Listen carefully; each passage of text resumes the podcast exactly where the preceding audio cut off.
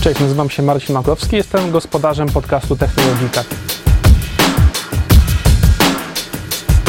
To miejsce, w którym idee będą się ze sobą krzyżować i będziemy odnajdywać puls świata technologii. Zapraszam do słuchania technologii.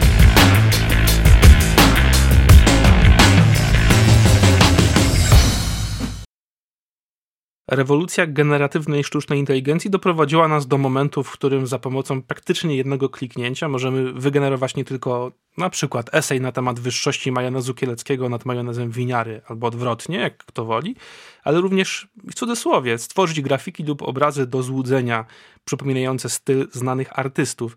I niedawno taka burzliwa bardzo debata przetoczyła się w kontekście mangi i anime przez Japonię i Koreę Południową.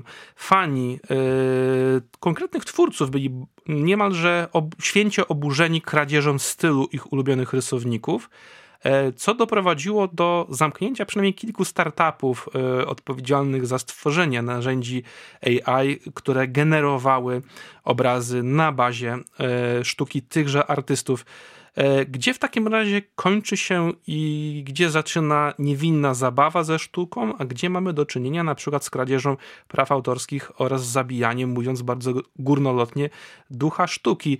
E, w tej audycji, w tym odcinku podcastu Technologika na te pytania odpowie Bartłomiej Nagórski, group manager w firmie IT Hard, publicysta technologiczny zajmujący się kulturą cyfrową, recenzent gier, pisował m.in. do dwutygodnika polityki.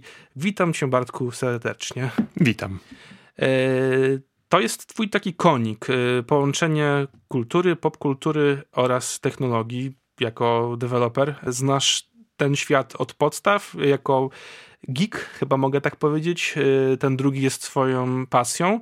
Ale zanim przejdziemy do Japonii, do, tego clue dyskusji takiej praktycznej na temat implikacji tej tak zwanej generatywnej sztucznej inteligencji w sztuce, zapytam ciebie właśnie o tę stronę informatyczną IT, jak działają aplikacje, które sprawiają, że gdy napiszę, co chcę zobaczyć, ujrzę taki obrazek. No więc sam koncept e, samouczących czy samokorygujących się programów to nie jest nic nowego. Um, jeszcze jak byłem na studiach jakieś 20 już parę w tym lat temu, to takie rzeczy były częścią po prostu programu nauczania. Natomiast e, to, co się zmieniło w ostatnich latach, to jest mnogość danych, na których te sztuczne inteligencje można wytrenować. I ten proces w strasznym uproszczeniu, jestem przekonany, że nasi koledzy z firmy, jak to usłyszą, to niektórzy będą potem e, zgłaszali pretensje, polega na tym, że e, taki program dostaje bardzo duży zbiór danych, i ten zbiór danych w przypadku tych konkretnych programów to jest to, na czym on się uczy, na czym on trenuje. I um, w przypadku tych sztucznych inteligencji służących do generowania obrazu, to wygląda w ten sposób, że one dostają takie pary obrazek i opis, który w kilku lub więcej słowach, który mówi, co jest na tym obrazku. A ten opis tworzy, rozumiem, człowiek. Y tak, no część tego może być tworzona automatycznie, to może być człowiek, to może być, to, to może być różnie. Y, ten zbiór, na którym, bo nie zawsze wiemy na jakich zbiorach też sztuczną inteligencję trenowano, ale w przypadku Stable Diffusion jest coś takiego, co nazywa się Lion to jest organizacja non-profit, która e, właśnie dostarczyła takich informacji. E, oni to zresztą też dostali e, od, od innej organizacji non-profit po części Common Crawl. Generalnie rzecz biorąc, to jest generowane w ten sposób, że chodzi sobie taki crawler, czyli taki mały bot i zbiera informacje z internetu, ze stron internetowych, gdzie są obrazki, jest, są podpisy, są te tak zwane alternatywny tekst dla osób, które nie dowidzą, jest kawałek tekstu dookoła. I na olbrzymim, olbrzymim zbiorze takich par e, ta sztuczna inteligencja, ten program jest trenowany. A jak on jest trenowany? E, tam jest, zachodzi taki proces, który nazywa się diffusion, stąd nazwa Stable Diffusion. Po polsku to jest dyfuzja, ale tu raczej jakby pasowałoby słowo rozpraszanie, czyli ten obraz jest zaszumiony. Jesteśmy obydwaj w takim wieku, że pamiętamy telewizję analogową i zaszumiony obraz w telewizorze. Więc jakby tego szumu losowego dokłada się do tych obrazków coraz bardziej i coraz bardziej, aż w końcu zostaje już sam szum. I ten program jakby patrzy na te kroczki, a potem ma to odtworzyć z tego szumu, wrócić z powrotem do tego obrazka, który tam był. W takich y, filmach czy serialach y, o detektywach z lat 90. albo początku 2000, gdzie widzą takie zamazane obrazy, mówią wyostrz mi ten fragment z kamery przemysłowej. Takie, takie wyostrzanie, może, może nie takie jak w, tych, jak w tych filmach, ale to też jest jedna z rzeczy, do których się e, tych sztucznych inteligencji pracujących z obrazkami e, używa. No w każdym razie ten proces diffusion i to jakby to przechodzenie od szumu um, praktycznie losowego do konkretnych rezultatów razem z połączeniem z opisem, to jest ten materiał, na którym ta, taka sztuczna inteligencja się uczy i ona później potrafi z zaszumionego totalnie obrazka z losowego szumu wygenerować rzeczy, takie, które będą jej zdaniem pasowały do tych promptów, czyli tych słów kluczy, które zostały użyte teraz przez e, kogoś, kto zleca takie, takie zrobienie obrazka. Czyli to jest e, trochę taka inżynieria wsteczna. Te programy odtwarzają obrazy ze słów poprzez uczenie się dekonstrukcji tego, jak ten obraz był tworzony, jakie miał składowe, tak. jak słowa odpowiadały jego poszczególnym elementom. Y trochę tak, uczą, uczą się dochodzić z zestawu losowych totalnie pikseli do obrazka, który to obrazek pasuje do takich słów kluczy. No to teraz od ogółu do szczegółu mm, i zbliżamy się właśnie do tego kontekstu mangi, anime i Azji. Jak działały takie aplikacje w przypadku no właśnie tych konkretnych form y, grafiki, rysunku, komiksu? bo one okazały się jakoś szalenie skuteczne w generowaniu mm, no właśnie takiej, takiej formy rozrywki, czy też czy też właśnie sztuki. Mm, to takie aplikacje jak Mimic, startupu, startupu Radius 5, czy Novel AI i Diffusion Anime. Czy tutaj jest jakiś inny sposób e, patrzenia na po prostu konkretny odłam yy, czy sztuki, czy, czy nie różnią się te aplikacje od tego, co powiedziałeś w swojej architekturze? Jakby zasady, same zasady tworzenia sztucznych inteligencji i to, jak się je napisze, to się oczywiście może różnić implementacją, tak samo jak różnią się e, programy komputerowe, ale jakby, jakby podstawowe zasady są dosyć podobne. Duża różnica leży w tym tak zwanym datasecie, czyli właśnie tym zestawie obrazków i lub opisów, bo to czasami mogą być po prostu obrazki, czasami mogą być takie pary, to już trochę też zależy do tego, od tego, jak tego używamy. W skrócie, bardzo dużo zależy od tego, czym się taką sztuczną inteligencję nakarmi. Na przykład takie algorytmy rozpoznawania twarzy i tak dalej, one one są skuteczne nie tylko z powodu samych algorytmów, ale w znacznej mierze przez to, że e, firmy takie jak Google, jak Facebook um, czy Apple, one dy dysponują olbrzymimi ilościami takich obrazków, na których są twarze.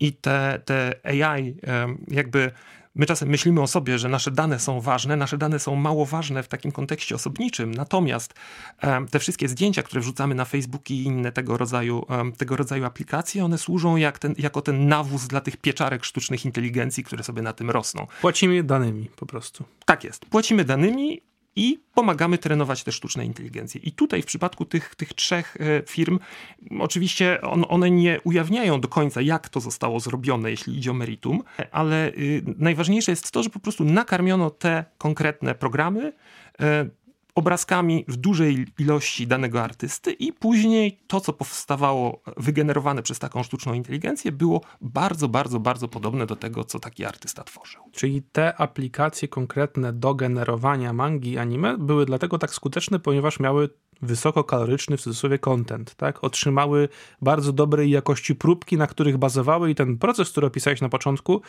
mogły y, udoskonalać poprzez naprawdę dobre przykłady. Y tak, przy czym to nie chodzi tylko o to, że one są wysokokaloryczne, tylko, tylko on będzie, taka, taki program będzie generował to, czym został nakarmiony. Więc jeżeli yy, tak, na przykład na Facebooku dostaje duże ilości zdjęć ludzi, no to najłatwiej będzie przychodzić mu, najlepiej będzie generował zdjęcia ludzi ale na przykład, jeżeli zostanie nakarmiony wyłącznie komiksowymi obrazkami, w szczególności utrzymanych w jednym stylu, no to to jest to, co będzie potem generował e, jako, jako rezultat swojej pracy.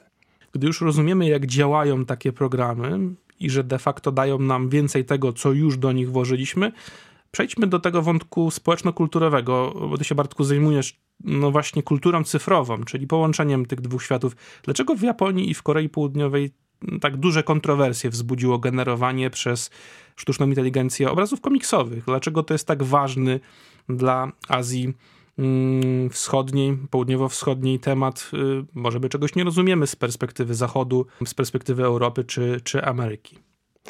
Artysta tworzący komiksy w zależności od różnych krajów jest traktowany różnie. W Polsce komiksy są traktowane jako takie coś gorszego um, i, i, artyści komiksowi u nas są może mniej, mniej jakby, nie wiem, popularni, rozpoznawani e, czy fetowani. W takiej na przykład Francji, e, która jest e, europejską ojczyzną komiksu i, i Belgii, artyści komiksowi mają status, e, no tak jakby status społeczny wyższy niż to jest na przykład u nas. I, I, są też e, bardziej popularni na świecie, bo Francja swoich rysowników i ogólnie swoją kulturę bardzo promuje za granicą. No i teraz Japonia jest w pewien sposób e, podobna do Francji pod tym względem. E, to znaczy ci, ci najwięksi rysownicy są tam, są tam szanowani jako naprawdę twórcy kultury wysokiej. Historycznie też ci, którzy tworzyli dawniej te grafiki, od których wzięła się drzeworyty i, i grafiki, od których wzięła się w ogóle ta nazwa manga, na japońskie komiksy, oni też byli e, właśnie o wiele bardziej jakby fetowani niż, e, niż u nas, ale y, również z tego Japonia zrobiła sobie swój pewien taki Mm, wyróżni. Popkulturowy towar eksportowy. Popkulturowy temat eksportowy, dokładnie. Więc jakby to uderza dwojako. To uderza w samych artystów, którzy tworzą rzeczy, ale to też o wiele bardziej denerwuje ich fanów, no bo to jest trochę tak, jakbyśmy teraz e, w Polsce zobaczyli AI, które jest w stanie podrabiać, nie wiem, prozę Tokarczuk, prozę Andrzeja Sapkowskiego albo e, growe produkty firmy CD Projekt. No to chyba nie ma takiej AI, która by podrobiła prozę e, Olgi Tokarczuk, ale jeszcze? Może, może jeszcze nie ma. Mm, I myślę sobie tak, czy w takim razie ta skala i waga, którą przykłada się do mangi anime w Japonii, uzasadnia nam też skalę emocji tych negatywnych, bo wielu artystów, którzy mm, dostarczyli swoich prac jako tej bazy danych dla aplikacji, o których wspominaliśmy, spotykało się z obelgami, grożono im, część z tych e, startupów przez jakiś czas nie funkcjonowała, albo ich aplikacje nie działały ze względu na różne ataki hakerskie. Mm, czy to jest tak, że mm, po prostu skala emocji negatywnych jest e, komplementarna po prostu do wagi tej sztuki, czy tutaj też jest jakiś kontekst kulturowy? Po pierwsze tak, no bo raz, że skoro są, skoro są bardziej popularni i jakby ich status społeczny jest wyższy i jest to postrzegane jako, jako coś, z czego Japończycy są dumni, jako ich towar eksportowy, jako coś, e, co, co cały świat, że tak powiem, ogląda i, i widzi, e, to z jednej strony jest to faktycznie odrobinkę taki, taka składowa szargania świętości, z drugiej strony to jest e, no to jest często cios w jakichś tam ulubionych artystów. I teraz trzeba wyraźnie rozróżnić, bo ci, którzy byli, na których się wylała fala krytyki, to byli ci, którzy dostarczyli swoje prace, na przykład do takiego, do tej aplikacji Mimik, więc jakby oni poniekąd zostali tak jakby winni tego, że, że pomagają podkopywać, jakby współpracują z tym wrogiem, którym jest ta sztuczna inteligencja, która chce ukraść ich skarb narodowy, prawda, ich ulubioną, jedną z ulubionych form sztuki dokonali świętokradztwa po prostu na kulturze Japonii i Korei Południowej. No może, mo, może nie wszyscy myśleli w ten sposób, ale na, te motywacje tam też są na pewno różne, ale część fanów była oburzona tym, że ktoś po prostu w ten sposób szarga pamięć na przykład, um, czy też, no nie wiem, no w jakiś sposób e, właśnie zamachnął się na tę na te jakąś świętość, ale dla części to jest po prostu tak jak, nie wiem, fani zirytowani w zachodniej popkulturze też zjawisko zirytowanych fanów atakujących um, już to osoby publiczne, już to jakieś instytucje i tak dalej, to, to też istnieje, prawda? No tak, chyba nie ma bardziej newralgicznej grupy i łatwiejszej do podpalenia niż zirytowany fandom. No właśnie, a tam te fandomy są... Sapkowskiego czy Tolkiena. No właśnie, wystarczy popatrzeć, co się działo, kiedy, kiedy Netflix wypuścił, wypuścił Wiedźmina. Czarne no. elfy. O właśnie. Zgrzytanie zębów słychać no to... było od Warszawy po Nowy Jork. No ale tak, jeżeli coś kochamy, to przykładamy do tego większe emocje i stąd też te nerwy. E, ale czasami to nie jest takie wcale oczywiste. Mm, jest taki przykład y, rysownika, który zmarł mm, jakiś czas temu. Kim Jong-ji, który Mhm. tworzył takie bardzo, bardzo, bardzo długie grafiki, czasami na kilka metrów. No i użytkownika chyba z Francji, jeżeli się nie mylę, Tak. Few, który chciał właśnie za pomocą sztucznej inteligencji nie tyle obrazić, nie tyle dokonać świętokradztwa, tylko wygenerować podobną grafikę w ramach hołdu dla zmarłego artysty. I on też spotkał się z takim, delikatnie mówiąc, bardzo negatywnym odbiorem. Dlaczego? No właśnie dlatego tutaj były to, były to dosyć żywe emocje. Ten artysta e, Kim Jong-un, on był znany właśnie z takiego bardzo, bardzo szczegółowego jakby em, stylu tworzenia tych swoich rysunków. E, On potrafił tworzyć takie olbrzymie plansze obrazków z pamięci albo takich typu rybie oko e, i one potrafiły iść naprawdę w metry. On nawet e, gdzieś tam e, jest jakiś rekord Guinnessa w kategorii dużych rysunków, który, który pobił. Ale fani, e, fani lubili go przede wszystkim za to, że właśnie on był też ilustratorem tak zwanych manhw, czy też manhua, to jest, e, to jest określenie na koreańską, na koreańską mangę. I, I bardzo, bardzo on też dużo podróżował po świecie i dzielił się swoim, swoim stylem, e, jakby pokazywał, jak rysuje. No i właśnie w trakcie jednego z takich wyjazdów, e, nomen omen we Francji, e, zmarł na zawał serca w wieku lat 47. Czyli to jest człowiek, który jeszcze spokojnie mógłby ładnych kilka dekad tworzyć.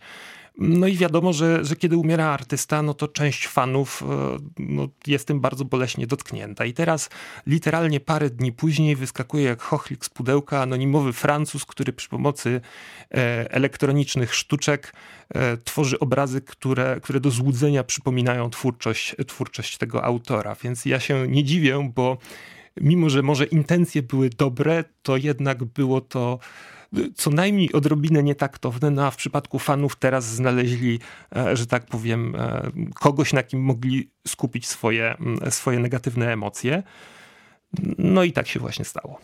E, Gościem podcastu Technologika jest Bartłomiej Nagórski, grup manager w firmie iTech, art publicysta technologiczny, zajmujący się kulturą cyfrową, recenzent gier. Bartku, mm, a teraz ciebie tak wprost zapytam, mm, co ty czujesz na ten temat?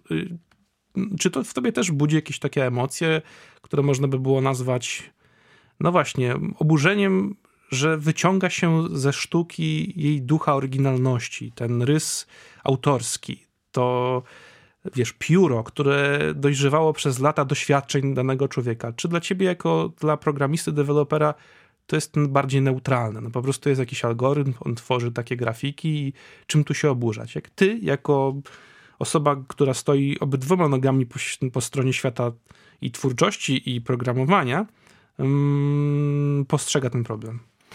Po stronie programowania już niestety tylko małym palcem, e, bo dosyć dawna e, aktywnie nie, nie, nie, jestem, nie jestem deweloperem. Z grubsza jeszcze nadążam. Natomiast e, ja, że tak powiem, dla mnie jest to fascynujące e, patrzeć, jak, jakie możliwości dają te narzędzia i jakie, jakie ładne rzeczy z nich potem wychodzą.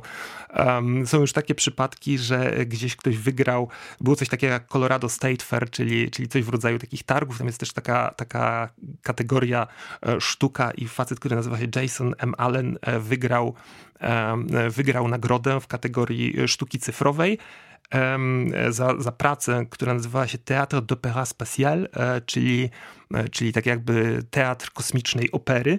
E, To jest coś trochę podobnego do, do tego, co stworzył Jean-Claude Mézières. Nawiasem mówiąc, też francuski autor komiksowy. My go możemy kojarzyć najbardziej z piątego elementu i scenografii do tegoż. No wspaniały film, jeden z moich ulubionych. No tam jest taka scena, gdzie, gdzie śpiewająca diwa, taka o niebieskim kolorze skóry, jest e, zmiksowana z jakimiś tam ujęciami walki. I to jest właśnie taka kosmiczna opera. Ten obrazek trochę przypomina to, co wyszło, trochę przypomina tamte klimaty. Corbin Dallas Tak jest, wygrał tak nazywał. nagrodę wycieczkę na statku kosmicznym na takiej planecie oceanie. No, Tak jest. To jest, to jest właśnie to.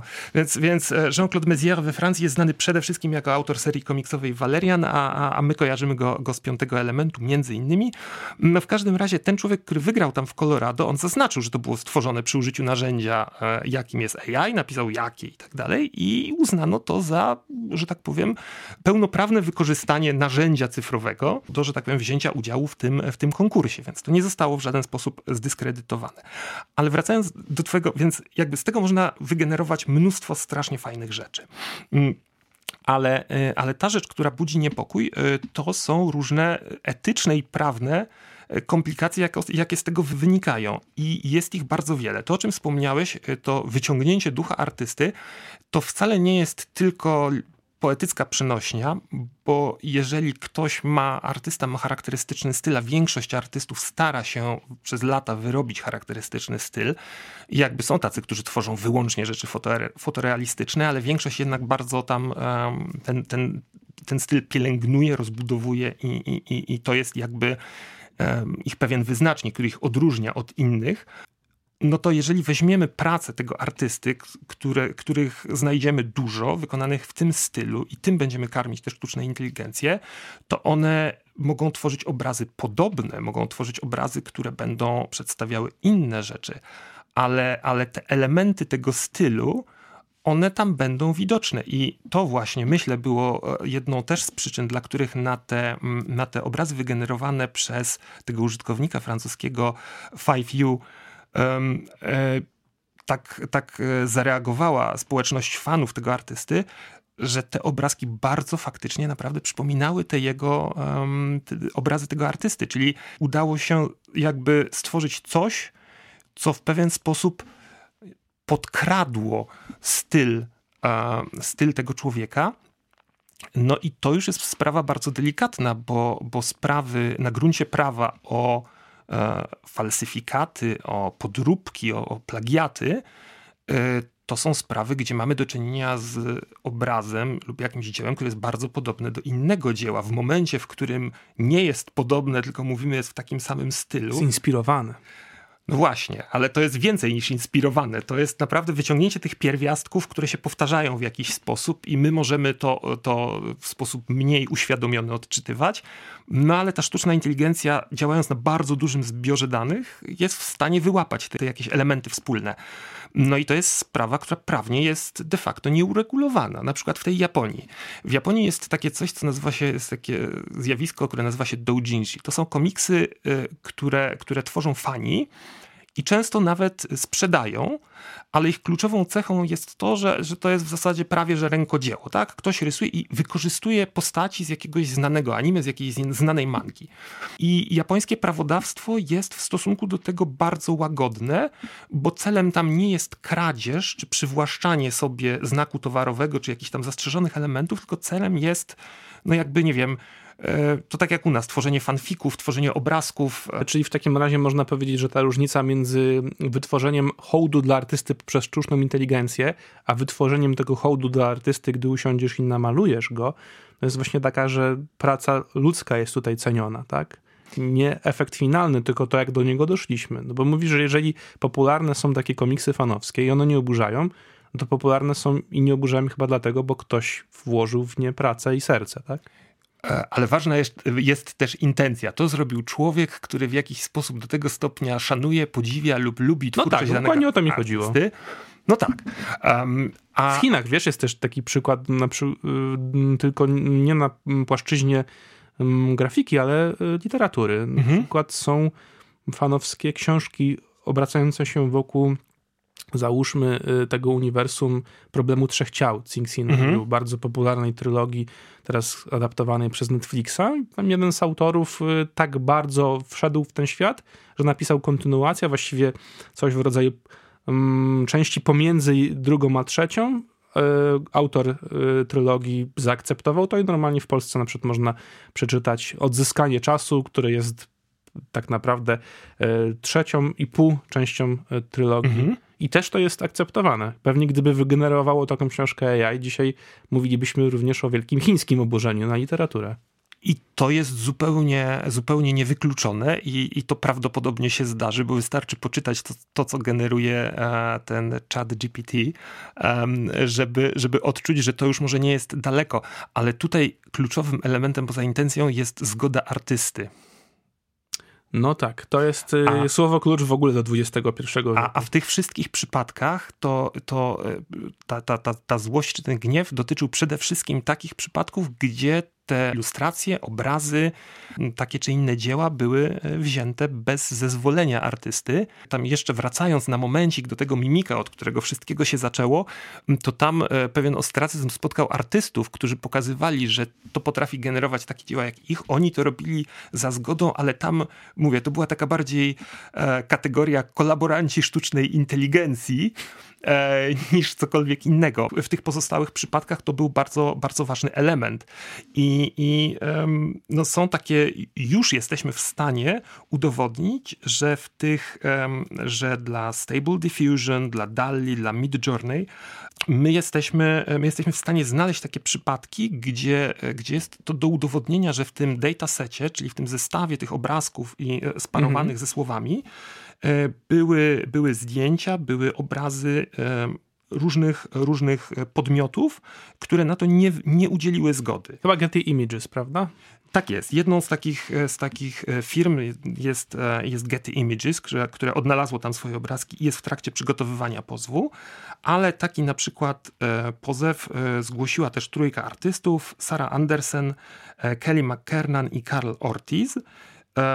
I on, to, to jest tak zwany class action lawsuit, czyli, czyli pod to mogą się, będą mogli się prawdopodobnie podpinać też inni artyści przeciwko Stable AI, czyli firmie, która wypuściła Stable Diffusion, ale także Deviant Art, które również próbuje wyhodować taką swoją e, sztuczną inteligencję i Mid Journey, e, ponieważ oni wskazują, że w tych zbiorach są ich prace, które zostały wzięte bez ich zgody.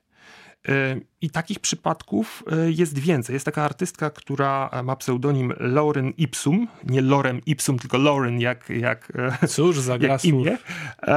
I, I ona jest designerką i ona współpracowała z takimi, z takimi, no nie wiem, tworzyła e, głównie to opakowania i design do produktów um, takich jak, nie wiem, luksusowe wydanie płyty Toriamos, albo Judas Priest, albo Motley Crue, um, albo um, do wydania komiksów takich jak Chronicles of Exandria. To jest taki komiks, e, w którym występują postaci z popularnego teraz na Amazon Prime serialu animowanego e, Legend of Vox Machina.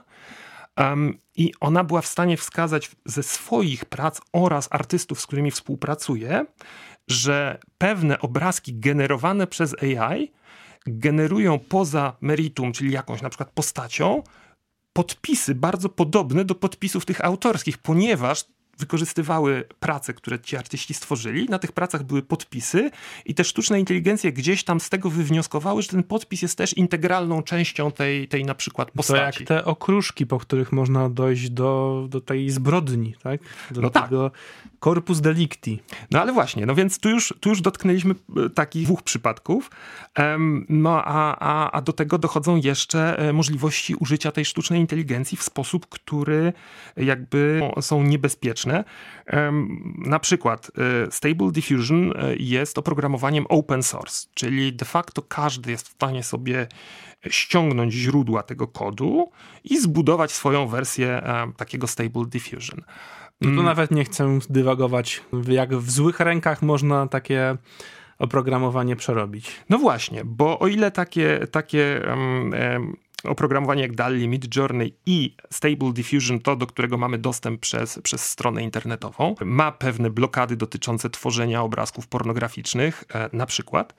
Mm, o tyle już, jeżeli sobie takie Stable Diffusion zbudujemy do uruchomienia tego wystarczy, to nie jest potrzebny sprzęt za jakieś miliony dolarów, to jest sprzęt taki, jaki fani gier komputerowych, którzy grają w najnowsze tytuły, już mają w domu, to jest może parę tysięcy dolarów i już można sobie szkolić na swoich materiałach. I e, są ludzie już, którzy wykorzystują do tworzenia treści pornograficznych, co pół biedy, ale już na przykład y, do tak zwanych deepfake'ów, czyli tworzenia, czyli nie wiem, na przykład scen pornograficznych z udziałem popularnej aktorki, ale to nie musi być popularna aktorka, to może być każdy z nas i to może potem być Była użyte... ostatnio taka głośna, dramatyczna sprawa influencerki internetowej, która mhm. właśnie zosta... wizerunek został wykorzystany w takim e, celu i ona płakała na żywo w swoim streamie i tak. mówiła, jak jej to zniszczyło życie i właściwie nie wiadomo kogo ścigać, nie wiadomo kogo no właśnie. Kogo pociągnąć do odpowiedzialności, ona jest tak rozproszona. No dotykamy tutaj naprawdę takiego jądra ciemności, tych złych rzeczy, do których może doprowadzić generatywna sztuczna inteligencja, zwłaszcza jeżeli chodzi o grafiki, wideo. No i to mnie prowadzi do takiego pytania, Bartku, no może faktycznie Azjaci widzą to dalej i może my się powinniśmy zapisać do takich ruchów, które już gdzieś tam się pojawiły w postaci hashtagów, na przykład w mediach społecznościowych, nie dla samouczących się SI. Może my powinniśmy być współczestymi ludystami i zamiast krosień palić y, komputery, które generują takie grafiki, no bo wiesz, mam takie poczucie, że mm, jak to nie będzie jakoś regulowane, to trochę się we mnie odzywa jakiś taki, nie wiem, autorytaryzm, no dojdziemy do momentu, w którym sami padniemy ofiarą e, prędzej czy później i też nie będziemy widzieli kogo ścigać. Ja myślę, że to jest tak jak z każdą nową technologią. No, technologia wyprzedza często uwarunkowania prawne, plus my często nie mamy pomysłów, do czego te technologie mogą doprowadzić. E, więc, więc oczywiście, że to trzeba w jakiś sposób uregulować. E, no i potem trzeba patrzeć, czy więcej mamy z tego dobrego, czy więcej z tego mamy złego. Ja, bym, ja sądzę, że tak per saldo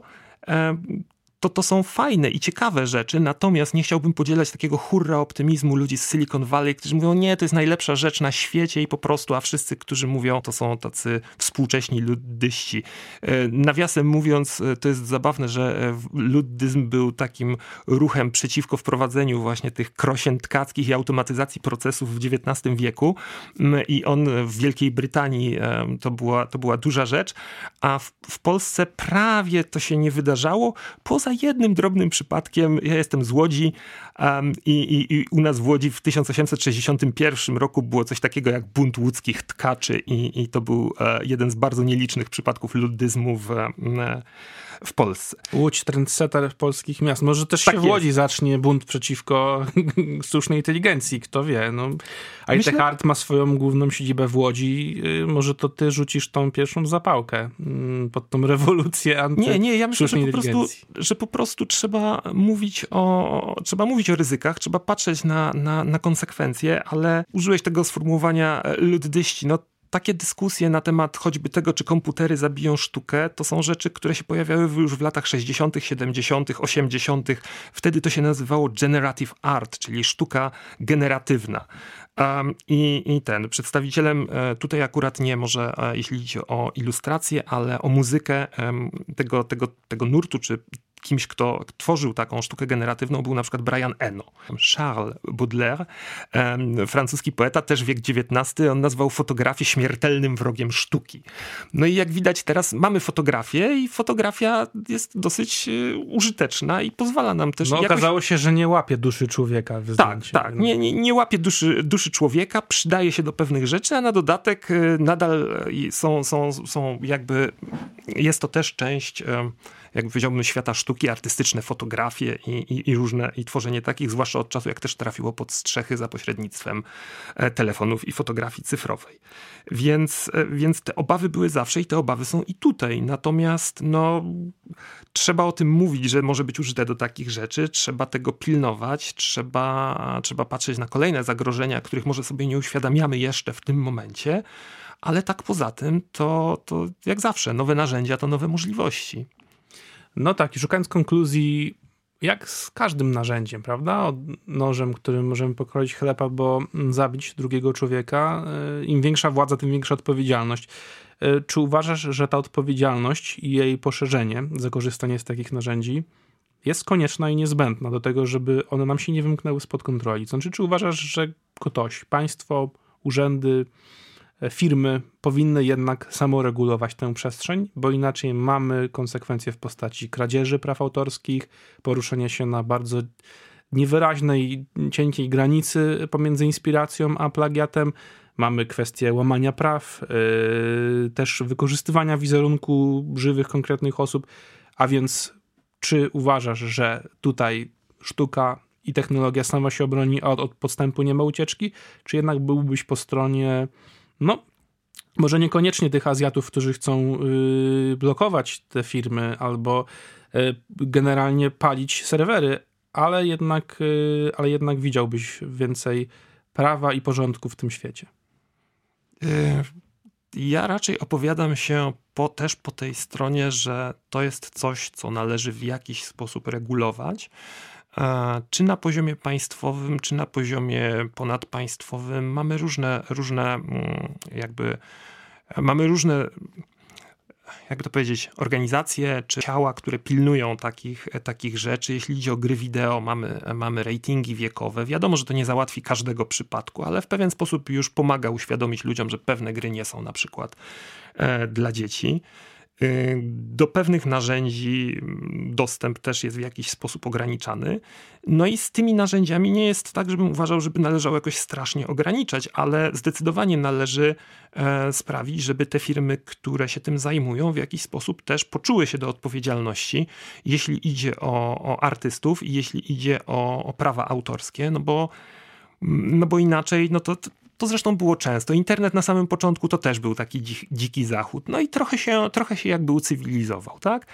Mm, nowe narzędzia, tak jak powiedziałem, to nowe możliwości, więc to też jest tak, że z tego pewnie wyniknie cała masa różnych ciekawych, ciekawych rzeczy. Tak jak robota maszynowa, tak jak nie zabrała możliwości pracy jako rękodzielnik, może artyści e, jakby będą mieli mniej do tłuczenia tak zwanych fuch, ale za co ich, ich, że tak powiem, stworzone przez nich rzeczy, w szczególności te, które będą stworzone e, fizycznie na, na, na jakimś, nie tylko, nie tylko wirtualnie, e, to będą, to będzie, to będzie dobro luksusowe, tak jak teraz, e, nie wiem, e, garnitur uszyty na miarę, czy, czy, czy porządne buty od szewca, a nie, a nie e, z sieciówki.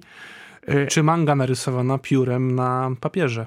No ale żeby tutaj ładnie domknąć tę klamrę, to w, w, w, tej samej Japonii w tej chwili trwają prace nad mangą, która ma się, która ma opowiadać jakby w cyberpunkowym stylu jedną z, jakby ona powstała na bazie jednej z japońskich legend, ma, się, ma być w takim bardziej cyberpunkowym stylu e, i ma być wygenerowana w całości przez sztuczną inteligencję. I tym się zajmuje artysta, który ma pseudonim Rootport, e, który ma już na koncie jakieś mangi i, i jest wydawnictwo, które chce to wydać, czyli to nie jest tak, że cała Japonia stoi murem przeciwko tym sztucznym inteligencjom, tylko, tylko właśnie, tylko, tylko to są rzeczy, które musimy w jakiś sposób troszeczkę zrozumieć, ucywilizować i zadbać o to, żeby w miarę możliwości nikomu przy tym nie stała się krzywda. No czyli jeżeli jest, jesteśmy w internecie popkulturze, to róbmy to z rikczem po prostu, z rozumem i godnością człowieka. Z rozumem i, i godnością człowieka. Właśnie na tematy sztucznej inteligencji i grafiki i sztuki rozmawialiśmy w podcaście Technologika, którego gościem był Bartłomiej Nagórski, e, group manager w firmie iTechart, publicysta technologiczny zajmujący się kulturą cyfrową. I sam zastanawiam się, z jakim pytaniem zostawić słuchaczy na końcu, bo mam również wątpliwości, czy generatywna sztuczna inteligencja otworzy nas na nowe spektrum możliwości, pokaże rzeczy, których jeszcze nie widzieliśmy, ale zawsze chcieliśmy zobaczyć, ale baliśmy się o nie zapytać, czy jednak stworzy taką pustkę, w której wszystko wszędzie i naraz będzie mogło być zawsze wygenerowane, a skoro tak, to rzeczy przestaną mieć wartość, bo nie będą miały w sobie tego ducha, który często identyfikujemy ze sztuką, którą stworzył człowiek. Oczywiście na te pytania sobie dzisiaj nie odpowiemy, być może nie odpowiemy sobie na nie nigdy, bo ludzkość stawia je od początku zarania swojej myśli, no ale na pewno warto je zadawać i na takie tematy co dwa tygodnie będziemy rozmawiać w Technologice. Audycję poprowadził Marcin Makowski. Do usłyszenia.